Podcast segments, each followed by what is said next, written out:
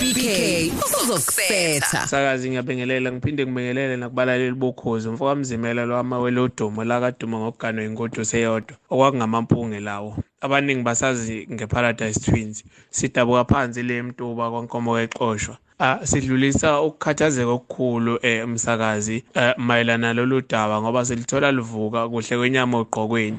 Njengoba sazi ukuthi uhulumeni wethu uhlongoza udaba lokuthi abantu besifazane nabo sekungenzeka ukuthi bathathe isithembu samadoda. Eh sithola ke sesi example kubantu ngokuthi vele naphambilini kwake kwenzeka lokho enye yamantombazane yake yawathatha amadoda amabili. Ngifisa abantu bakwazi lokho ukuthi kwakungamampunge thina njengamawele noma njengamakhosi sasenza iculture yethu njengamawele. Uzokhumbula amacingwane ukuthi eh amawele noma kuthiwa kwenzakalani eh ahleli ahambisana ngandawonye. Uma ngukuthi kwenzeka lokhu noma kwende elinye ke kuqale kubekwe leli elingendanga lifakwe phansi emgodini kuhle kwelingcotshwayo bese liyakhishwa bese kusala leli bese kubekwa leli elingcotshwayo. So kuningi nje okwenzakalayo ngingabala kube kuningi. So sifisa ukuthi abantu bakwazi lokho ukuthi kwakungelona iqiniso sifisa futhi nabantu abazosisiza ngoba sithola eh, sijivazeka ngalendlela kuphinde kujivazeke nebandla esikhonza kulona. Ibandla lamanazaretha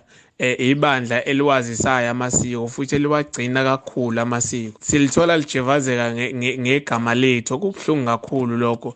Siyafisa ukuthi noma ubani ongakwazi ukusisiza mayelana lolu daba afake isandla ngizoshiya inamba la eh la sizothintakala khona noma abantu abazokwazi ukuthi bathole khona ulwazi olugcwele. Inamba yami ithi 076 28964888 abantu bazokwazi ukuthi bafone noma bathumele ama-message noma bangi-whatsapp babuza bafisa ukubuza. Ngifisa kuphi nakuphi la kufinyelela khona lo mqhafazo. Abantu balazi iqiniso ukuthi thina asihambisani nayo yonke le nto eyenziwayo noma eyenzakalayo emhlabeni njengamanje njengoba silibona izwe lidunguzela kanje. Asihambisani nokuthi abantu besifazane bavumelekile noma bavumelekile asihlangani nabo. Asilwazi nasendulo ukuthi lwalenzeka nini. So sidlulisa ukukhathazeka okukhulu siyafisa usizo eh noma ubani ongakwazi ukuthi asisize. Sithola ingcingo left and right eh ithombe la sithiwa khona eh kubi kubhlungu siyajevazeka kabuhlungu siyacela abangakwazi ukusisiza ngalolu daba. Umuntu akabengelele. Eh kubalaleli bokhoza FM umsakazo omkhulu iningizimu neAfrika. Ngibingelele kuwena umsakazi macingwane nabadidiyeli bohlelo kwingosi yakho yakulolu suku. Cha umuntu bethi akeveze uvo la okuba khona into abantu uma begana beganwa noma mhlambe iwele elinye liganwa ebese kuba nabantu abahumusha into yokuthi lelo wele njengoba seliganiwe nje okusho ukuthi nalo nkosikazi oganelo uzophinde aziwe njengonkosikazi waleli elinyiwe. Kuke kwakhona isihloko esike satrenda abantu abasisebenzisayo besisebenzisa kabi la amawele okwaganwa iwele elinye kwelinye lamabandla. Abantu basebethi okusho ukuthi babona laba oganwayo eh beshutha nalo omakoti basebethi okusho ukuthi lo wesifazane uzobagana bobabili kanye kanye. Iqiniso lithi ukuthi macingwane uma mina njengomadoda ngiganwa umuntu wesifazane osuke ezogana kwaZungu usuke engazile ukuzogana mina kodwa usuke ezogana ubuzungu wonke. Uma ngikhuluma ngozungu ngikhuluma nangabafowethu bebonke. Lokho kuchaza ukuthi uma ezogana mina ugana nabafowethu ngoba ngisho ngabe kuthiwa ungiphakela ukudla. Uma ngihlezi nabafowethu kufanele azi ukuthi kufanele phakele nabafowethu laba engihleli nabo ngoba nabo bangabayeni bakhe umakoti. Uma kubheseno wodwa uthola ukuthi izipunu kufanele zanele abafowethu engihlezi nabo ngoba abafowethu engihlezi nabo kumakoti osuke eganile. Umakoti usuke azi ukuthi nabo laba bangabakhwenyana bakhe ngoba kezile umakoti ukuzogana umuntu oyedwa. Ngoba uma egana umuntu oyedwa la ekhaya usuke ezokhombisa ukuthi uzohlukanisa umuzi. Kodwa ngenhlonipho kufanele uma egana azi ukuthi uzogana abantu bakwazungu la ekhaya. Lokho okuchaza ukuthi nabantu abasuke bengamawele uma njengalesi sibonelo njengikhuluma ngaso la insizwa eyayiyocacelwa eparadisi kwelinye lamabandla eyayiphelezelwa umfowabo oyiwele naye. Base abantu sebeyihumusha ngokuthi okusho ukuthi lo wesifazane ugane boba uzobagana bobabili. Cha incazelo ithi njengoba lo umakoti ezogana noma ngaba amawele noma kayi abayiwa amawele abantu kodwa uma ezogana ngenhlonipho la ekhaya labo bantu basuke bengabayeni bakhe. Ngoba la ekhaya kufanele azi ukuthi ayikho indoda yakhe yedwa kodwa kunamadoda angabafowabo balo omyeni wabo obaficela okufanele azi ukuthi nabo laba bangabayeni bakhe. Lokhu ke okuchaza ukuthi ke lezi insizwa esayibona ziphelezelana omunye eyocacelwe eparadisi vele umakoti lona wayephelezelwa lo umfowabo wayephelezelwa umfowabo ngoba vele naye indirect ungumyeni walomakoti owayecacelwa ngenhlonipho. Hayi ngokuthi bengamawele ngishabe kuthiwa uwona amawele uma uzogana la ekhaya kwaZungu usuke wazi ukuthi abafowethu bangabayeni bakho. Lokho kuchaza ukuthi awukwazi ukuhlukanisa abantu. Nabo-ke abafowethu laba babengamawele abangamawele abakwakuganwa lowo mfowabo. Lo owayezogana umakoti indoda yakhe nale ngenhlonipho yakwaZulu ngoba akakwazi ukufika la ekhaya besezothi wena uyena umkhwenyana wami umkhwenyana wami lo. Okusho ukuthi uzohlukanisa umndeni. Kodwa okwenziwa umakoti ukuthi ehlonipha abantu azoganela kubo azi ukuthi abafowabo bendoda yakhe bangabayeni bakhe. Kuphela lapha bangakwazi ukwenza khona ukuthi bedle kwisitsha esiyigolide sikamakoti sasekamereni. Lokho ke kusuke bengeke bekwazi ukukwenza kodwa ukudla asuke bephakelwa khona bephakelwa umakoti noma umalokazana noma umlobokazi. Basuke bephakelwa ngokuthi baphakelwa umakoti wabo unkosikazi wabo. So kubalulekile ukuvikelana ukuthi uma ngiganwa mina ngiganwa ngiganelwa mina ngedwa kodwa ngiganelwa isizungu sonke ngoba lo muntu inkomo ezisuke iphuma la ekhaya zisuke ziphumela isizungu siyohlanganisa umakoti oyolandwa lapha ukuze ezogana ezogana abantu bakwaZungu. Hayi ngokuthi njobe ezogana la usezogana indoda yakhe yedwa? Cha inhlonipho yesintu sakithi sesiko lokuhlonipha ukuthi uma ugana makoti yazi ukuthi uzogana abantu bakwaZungu hayi indoda yakho kuphela. Kodwa kwisitsha lesi segolide sekamero esendoda yakho kodwa lokho okunye usuke uzoganela abantu bakwaZungu uzogana kubantu bakwaZungu. Bengithi kangibonge eh balaleli bokhoze FM nibe nosuku oluhle. Mbonge eh BK nawe kanye nabadidiyeli nebe nosuku oluhle ngiyabonga kakhulu. Ngicina ngilibonga ithuba ngibingelele kuwe ngibingelele futhi nako producer bohlelo. Ngiyezwa ukuthi namhlanje sikhuluma ngetyala lamawele. Amawele ke singatsho sithi sesikhuluma la ngesimo lapho umama ebelethe khona izingane ezingaphezulu kweyodwa ngesikhathi. Kuyenzeka ke zibe mbili zibe ntathu zibene kuyafika ngisho nakwisishaga lolunye njengoba nje sizokhumbula ukuthi emavikini amabili adlule lapha nezweni lasemali eh owesifazane waye wabeletha amawele ayisishaga lolunye kanti ke nakhona la eKZN sizokhumbula ukuthi kukhona nesikole lapha endaweni yasemangangeni la kugcwele khona nje amawele ayikho igrade engenawo amawele. Kuyinto ke abantu abaningi abathandayo ngempela abayifisayo futhi kuba namawele. Ake sibuke ke mfoka mchunu ukuthi kwenzeka kanjani ukuthi umuntu agcine senawo amawele? Eh ngokujwayelekile umama singasho sithi unezigidigidi zamaqanda lapha kuye kanti ke ubaba naye futhi unezigidigidi zonojujwana lokho esikubiza ngembewu yamadoda. Ukuze ke kwakheke ingane ke kube khona ke ukulumbana lokho esithi fertilization ebaphakathi kweqanda likamama elivundile ngokunjalo nembewu kababa kodwa kubele kube imbewu phela ephilile kahle. Lokuhlangana ke kwenzeka laphana emachu etubini kumama esikubiza ngefallopian tube bese kuhamba njalo kuze kuyohlala laphana esibelethweni kumama. Kunamathele khona kukhule khona ke sekuzokhula ke kuumntwana kanti mangabe sibuka ke kumawele la amawele kuba khona inhlobo ngenhlobo zamawele. Kukhona amawele esingathi ayafana ncemishi ama identical twins. Kuba khona futhi amawele angafani. Uma sibuka ke amawele lawa asingathi ayafana ncamashi singasho sithi u1 third wamawele ewonke aba ulolu hlobo la amawele efana ncamashi. Lokhu kusuke kwenzeke ngenxa ukuthi umama usuke ekhiphe iqanda elilodwa bese lilumbana nembewu eyodwa noma unojujwana oyedwa ovela laphana kubaba. Bese kuthi lenhlanganisela ihambe njalo iziyofika esibelethweni bese iyahlukana phakathi nendawo ihlukane phakathi nendawo yenze ingxenye ezimbili ezilingana ncamashi.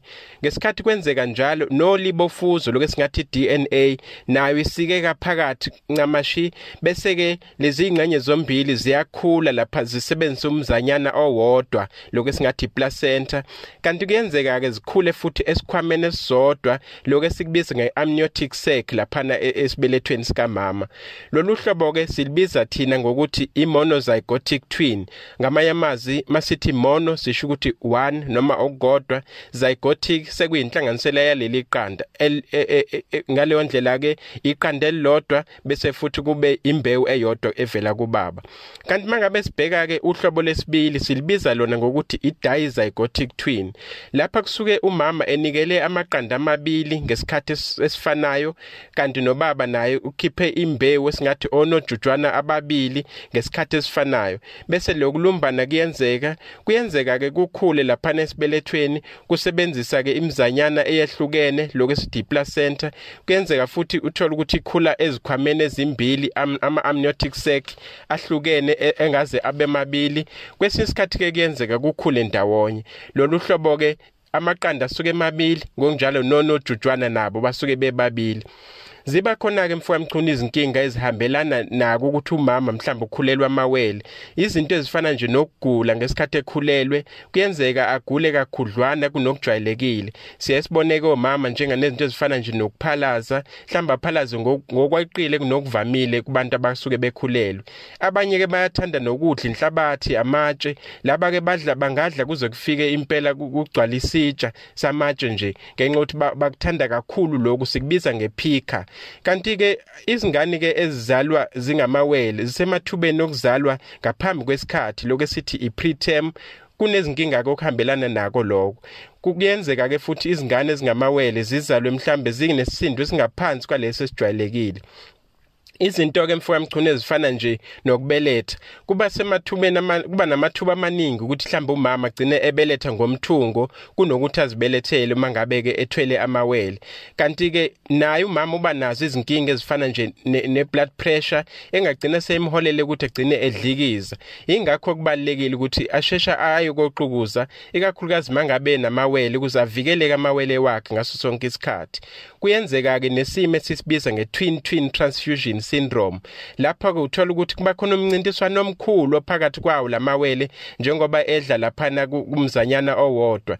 Ingakho kuyayithola ukuthi elinye iwele mhlamba hayi alikho kahlehle elinye mhlambe li sharp kakhulu noma mhlambe elinye libe likhulu elinye libe lincane ngenxa ukuthi kuseyenzekile ke lo mncintiswano bese elilodwa lawo ligcine liwina ke mfuka mchunu kanti ke kukhona ke izinto ezenzekayo zezibeka umuntu emathubeni ukuthi mhlamba agcine banawo amawele. Singabala nje izinto ezifana neminyaka yaba abazali ikakhulukazi ke umama. Labo mama abaphakathi kweminyaka ewu30 kuya ku40 amathuba abo abama kakhulu mawuqhathanisa nabanye omama ngenxa ukuthi kulesikhathi izinga lamahormone ikakhulukazi iestrogen isuke iphezulu iwavundisa ngempela kamaqanda kuleyo mnyaka. Kanti ke izinto ezifana nofuzo ezinye zezinto ezibaleke kakhulu uma sikhuluma ngamawele. Uma ngabe omunye wabazali eyilona iwele amathuba ayanda ngempela ukuthi nabo bagcine bethola futhi izingane ezingamawele. Kanti ke abazali basuke besebenzisa izinsiza ikakhulukazi laba abasuke bengabatholi abantwana. La sibala khona amaphilisi athile azama ukuthi bakwazi ukuthola abantwana noma inzalo. Ngokunjalo nokusetshenziswa kwemishini njenga ne-IVF kuyabanikeza amathuba ukuthi athi ukwanda ukuze bakwazi ukuthola amawele. Kanti ke esizweni esinsundu singasho sithi amawele maningi kakhulu mawuqhathanisa nawo wonke mhlambe ezinye izinhlanga nje ezikhona emhlabeni. Kanti ke abantu abasuke benezingane eziningi futhi nabo baba semathubeni ngempela ukuthi bagcine bethola amawele. Kanti nabesifazane mfuka mchuna abade ngethambo kunokujwayelekile baba semathubeni angisho ukuthi ke sonke sekufanele sithole amaqondana abade ngethambo. Cha thola nje umaqondana wakho maqondanile kuyobe kuqondanile mfoka mchunu. Kanti ke sengiphetha nje ngingasho ngithi lokhu kwesikubiza ngobulili bengane bona bunqunywa ubaba. Ubaba oyayanikele ngolibofuzo lithile ikakhulukazi lokho esikubiza ngama-sex chromosomes. Okusho ukuthi-ke suke la ulibofuzo oluqondene nje nokuthi umuntu uzoba ubuphi ubulili. Ubaba-ke onawo amandla wokunikela ngaloko bese esho ukuthi kuzoba intombazane noma kuzoba umfana. Kuyenzeka kamawele kuba amantombazane wodwa kusho ukuthi ubaba wayekade enikele ngalo ngayo leyo sex chromosome. Ubaba yena-ke masikhuluma ngawo ama-sex chromosome uba nolibofuzo silibiza ngo-XY uma ngabe enikele u-Y ingane ke izoba seyiba umfana. Kanti uma ngabe enikele u-X kusuke kuzoba amantombazana asikho ke isidingo sokuthi ke sesixabana nomakhothi bethu uma besitholela amantombazane wodwa. Ithina esuke sikade sinikele kabe mfoka mchunu sanikela o-X bodwa. Siyabonga mfoka mchunu umpumelelo zikalalo vele enkampeni abameli uzikala tennis ake siqale sicacisela ukuthi cha kusawumthetho ohlongozayo lo. Akona umthetho usukhona usu-applyayo onayo noma singakwazi ukuthi siwusebenzise kusasa. Uhulumeni wethu usathatha ithuba lokuthi uthi cha angeke ngikwazi ukwenza into engahambisani nentando yeningi so ngicela ukuthi ngiqale ngenze research kuqala before ngize ngikhiphe into ekuthiwa ibill noma umthetho ohlongozwayo. Ngubona ukuthi makuthiwa siyawuhlanganisa singawuhlanganisa kanjani kuyima sawuphasa so ithuba lokuthi livuleleke ukuthi sikhomente ngawo lisazoza ngama-channel ekuyibona right nangey'nhlaka futhi nangabantu kuyibona abasinikeza lelo thuba ukuthi sizokwazi ukuphawula bevunyelwa kwengwanyelwe umthetho osekelo ukuthi siwusebenzisane. Sidlulile phambili kule process laze kuthiwa khona umthetho-ke manje usuhlongoziwe usulinde kuthiwa ibill. Asikhumbule ukuthi eningizimu afrika silawo lo mthetho osisekelo kuyiwona ochazayo ukuthi uma ngabe khona umthetho uzoshawa noma kufanele uphase kumele ulandele ini. Kodwa iprinciple nemimongo wawo okufanele siyikhumbule ngaso sonke isikhathi sekutheni intando yeningi esebenzayo. Kuchaza ukuthi if lingavumanga iningi ukuthi kube khona umthetho uzobe usuba khona uma uzoshawa uhulumeni noma iphalamende ne-legislature alivumelekile ukuthi lithathe lowo mthetho luwuse phambili iprocess la khona kuzothiwa nangu ibhili esiyibhaliwe kuvele emaphepheni kuvele ey'ndabeni kubizwe iy'thangame la kuzothiwa khona size sizokhomenta ngawo liseza lelo thuba. Okuzobaleka ukuthi bonke laba abahambisana nawo noma bangahambisani nawo bayilungiselele sekutheni uma sebeyokwenza leyo ma-submissions noma mhlawumbe izethulu zabo bazozenza kanjani obani abazobaqoka obuphi ubufakazi bazokwazi ukuthi babulethe kungabi ubufakazi nje kuphela ukukhulunywa nomlomo kodwa nobufakazi obubhaliwe. Kanjalo nekomiti lasephalamende laka-home affairs lisazohlala phansi nalo lilindele ukuthi abuziphi iy'thulo ezizofika kubona bese liyalalela liyicubungule before lo mthetho bese kuthiwa usuwuphasile noma ngaba uphasa angikuphinde lokho ngoba kubaluleke kakhulu. Okusebenza kakhulu noma into esebenza ngayo eningizimu afrika ile nto ekuthiwa intando yeningi okuchaza ukuthi if iningi lingavumanga ukuthi kube khona umthetho ozophasa angeke uzophasa. Kodwa if iningi livuma ukuthi umthetho awuphasi yebi into ezokwenzeka leyo ngoba uhulumeni uzoba enza into ekuthiwa ifunwa abantu. Angizi kokugcina um siyibonile iy'thombe idlula la emaphepheni nakoma-social media. La khona abantu bona khona isithombe la abazalwane baseNazaretha kuyibona abasetshenziswa njengabantu okuwukuthi cha sibuwusebenzisile umthetho ungakaphasi ngisho ukuphasa. Now bangakwazi ukuthi bona babhalele u-ombudsman noma umlawuli noma kuyena abantu umuntu asiceba kuyena amaphepha mangabe ngenzanga kahle ubizwe ngo-ombudsman ukuze bayosho ukuthi nanti ilungelo lami lalilimala. Kunesithombe esifakwe odabeni olungamadeniswa nami noma olungathinti mina okungena lento ekuthiwa mhlawumbe i-public interest noma mhlawumbe ukuthi kubalekile ukuthi umphakathi ukwazi ukuthi ukwenzakalani ngibona ngathi ilengolo lami liyalimala la. Ngicela ukuthi wena ombudsman ukwazi ukukhipha i-order yokupanisha laba bakhe belesi sithombe. Bangakhombisa ukulandela imbandela ne-code of conduct enikezwe abantu beyindaba ukuthi kumele bazicontrole kanjani. Kanjalo futhi nabantu abasuke bezokhipha kwi-social media kanjalo futhi nabantu basukukhipha khona komabona kude nasey'ndabeni. Konke nje ama-platforms noma mhlawumbe kuyinhlaka la khona khona sike sicoshe khona iy'ndaba zethu. Yila bengakwazi ukuthi bakhiphe i-order ukuthi cha ayengabe seliyaphuma lelo daba. Sikhumbule awugcini ku-ombudsman kuphela khona futhi nenkantolo ongakwazi ukuthi ubathathe labo ama-publications noma abangamele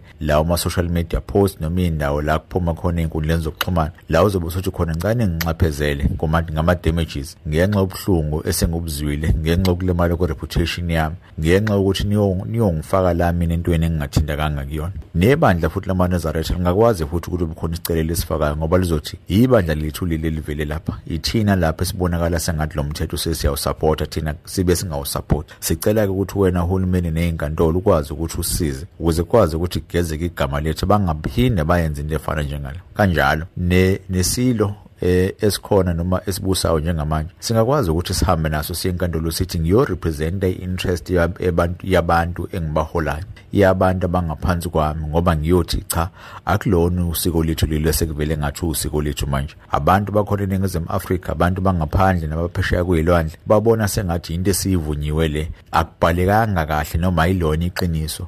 Ngenxa yokuthi nje kukhona abantu ababe irresponsible khona la ekuxhumaneni noma kuyimida abangareportanga noma bangabhalanga ngendlela okuyiyona. So ngicela ukuthi wena nkantolo usize la ukwazi ukuthi siprotect noma sivikele isithunzi sethu ngokuthi ukhiphe i-order ukuthi laba sebeyikhiphile abasinxephezele baphinde bayeke futhi ukukhipha iy'ndaba noma mhlawumbe izinto ezingaqinisekanga. So yinto engicabanga ukuthi ngabe sifunde sihle kakhulu futhi lesi kubona bonke abantu abazodistribute iy'ndaba. Esekutheni khuluma ngento okuyiyona yona nento ekufanele ngabe kuyiyona neyozoba neqiniso layo ungathathi iy'thombe zabantu ngoba naku uyificele la uyifice khona. Bese uzozipublisha wena kube sengathi zi-former part of leso sitoro sanibonani bafowethu ngosemagcokama le. Uhleli no-bk ohlelweni kanye nawe njalo ngo-12 kuya ku-3 monday to friday. Xivi